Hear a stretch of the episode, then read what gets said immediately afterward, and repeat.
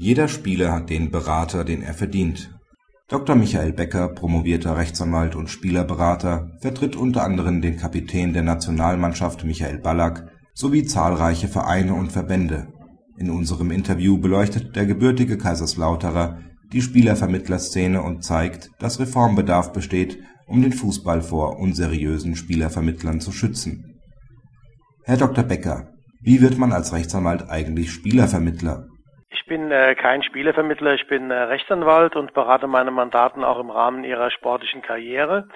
Die Spielervermittler dagegen wickeln lediglich äh, den Vereinswechsel ab und kassieren die Provision und sind dann normalerweise nicht mehr zu sehen. Im Übrigen stamme ich aus Kaiserslautern und da ist es natürlich nicht ausgeschlossen, dass man auch äh, außerhalb des beruflichen Bereichs mit Fußball in Kontakt kommt. Die Spielervermittlerszene wird immer wieder von negativen Schlagzeilen beherrscht, die an der Seriosität der Branche zweifeln lassen. So ist von Anstiftung zum Vertragsbruch, Menschenhandel oder auch einer Abzockermentalität die Rede. Wie passt das mit dem Beruf eines Rechtsanwalts zusammen? Nochmals, ich bin kein Spielervermittler, sondern sehe meine Rolle als Berater. Es ist allerdings richtig, dass ein Großteil der Spielervermittler den Spielern Leistungen anbieten, für die ihnen oft Fachkompetenz und in aller Regel die juristische Legitimation fehlt. Die Durchführung eines Vereinswechsels, also das Aushandeln und das Abfassen eines doch recht komplexen und komplizierten Vertragswerkes ist das Hauptgeschäft und damit ist ein Großteil der sogenannten Vermittler überfordert. Gestern Klempner, Kabelhilfe oder Kioskbesitzer, heute Spielerberater, das kann äh, normalerweise nicht funktionieren. Oder umgekehrt gefragt, wenn bei Ihnen zu Hause der Abfluss verstopft ist, rufen Sie doch auch nicht einen Rechtsanwalt zur Hilfe. Warum sollten Sie beim Aushandeln eines Spielervertrages einen Klempner zu Rate ziehen? Das Anforderungsprofil an einen Berater hat sich seit dem Bossmann-Urteil vollkommen verändert. Aber auch hier gilt, jeder Spieler hat den Berater, den er verdient. Welche Qualifikationen muss man erfüllen, um als Spielervermittler die Lizenz vom Deutschen Fußballbund zu erhalten? Eigentlich keine. Für die Erteilung der Lizenz gibt es nur zwei Voraussetzungen. Das ist das erfolgreiche Ausfüllen eines Multiple-Choice-Fragebogens sowie keine Vorstrafen. Da im Übrigen die Prüfung beliebig oft wiederholt werden kann, ist die Wahrscheinlichkeit, sie irgendwann einmal zu bestehen, doch extrem hoch. Abgesehen davon beschränkt sich die Prüfung lediglich auf das Abfragen nationaler und internationaler Fußballregeln und Statutenkenntnisse. Der Deutsche Fußballbund teilt die Meinung, dass die Spielervermittlerlizenz eben nicht zur Rechtsberatung berechtigt. Konsequenterweise werden die Bewerber in der Multiple-Choice-Prüfung auch nicht im Bereich des Arbeits- und Vertragsrechts geprüft. Allerdings ist es so, dass Vorbestrafte, die keine Lizenz erhalten können, oder auch diejenigen, die die Prüfung nicht geschafft haben, eben ohne Lizenz munter weitervermitteln. Nach dem Motto, was ich nicht habe, kann mir auch nicht entzogen werden. Reichen die Regeln der Verbände aus, um den Markt vor unseriösen Beratern zu schützen? Selbstverständlich nicht. Zunächst einmal ist die grundsätzliche Frage zu stellen, ob der Deutsche Fußballbund, also ein eingetragener Verein, überhaupt befugt ist, im Rechtsraum der Europäischen Union Regelungen zu erlassen, die in grundrechtsrelevante Bereiche wie beispielsweise der Berufswahl eingreifen. Auch ist der DFB-Kontrollausschuss offensichtlich nicht über die Maßen daran interessiert, dem unseligen Treiben der Spielervermittler, insbesondere solcher ohne Lizenz, Einhalt zu gebieten.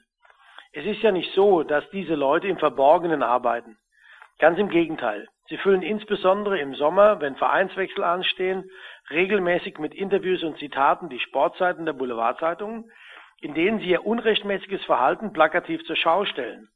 Warum der DFB-Kontrollausschuss dagegen nichts unternimmt und die Einhaltung seiner eigenen Regeln nicht durchsetzt, ist mir auch nach vielen Jahren beruflicher Tätigkeit in diesem Bereich unerklärlich.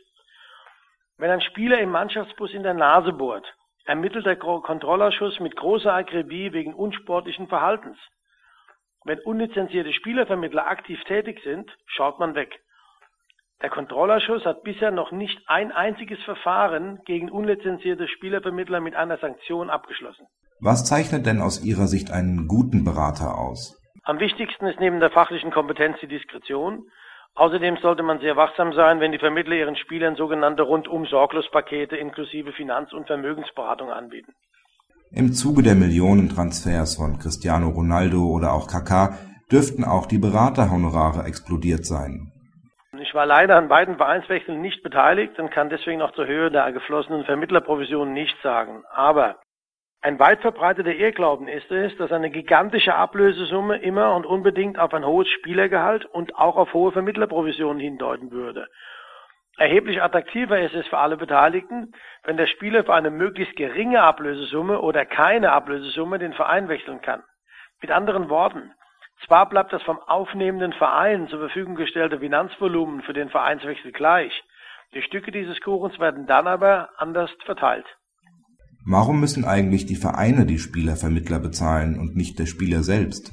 Beim Vereinswechsel beauftragt in der Regel der interessierte Verein, also der aufnehmende Verein, einen Spielervermittler mit der Durchführung dieses Vereinswechsels. Deswegen zahlt auch der Auftraggeber bei erfolgreicher Erledigung dieses Auftrags das dann fällige Honorar. Was halten Sie von einer festen Gebührenordnung für Spielervermittler, wie sie jüngst der Präsident von 1899 Hoffenheim, Dietmar Hopp, vorgeschlagen hat? Ich halte die Idee von äh, Dietmar Hopp, den ich äh, persönlich sehr schätze, für hervorragend. Ich teile auch seine Meinung, dass dies sicher zur Transparenz und auch zur Beruhigung des Marktes beitragen würde.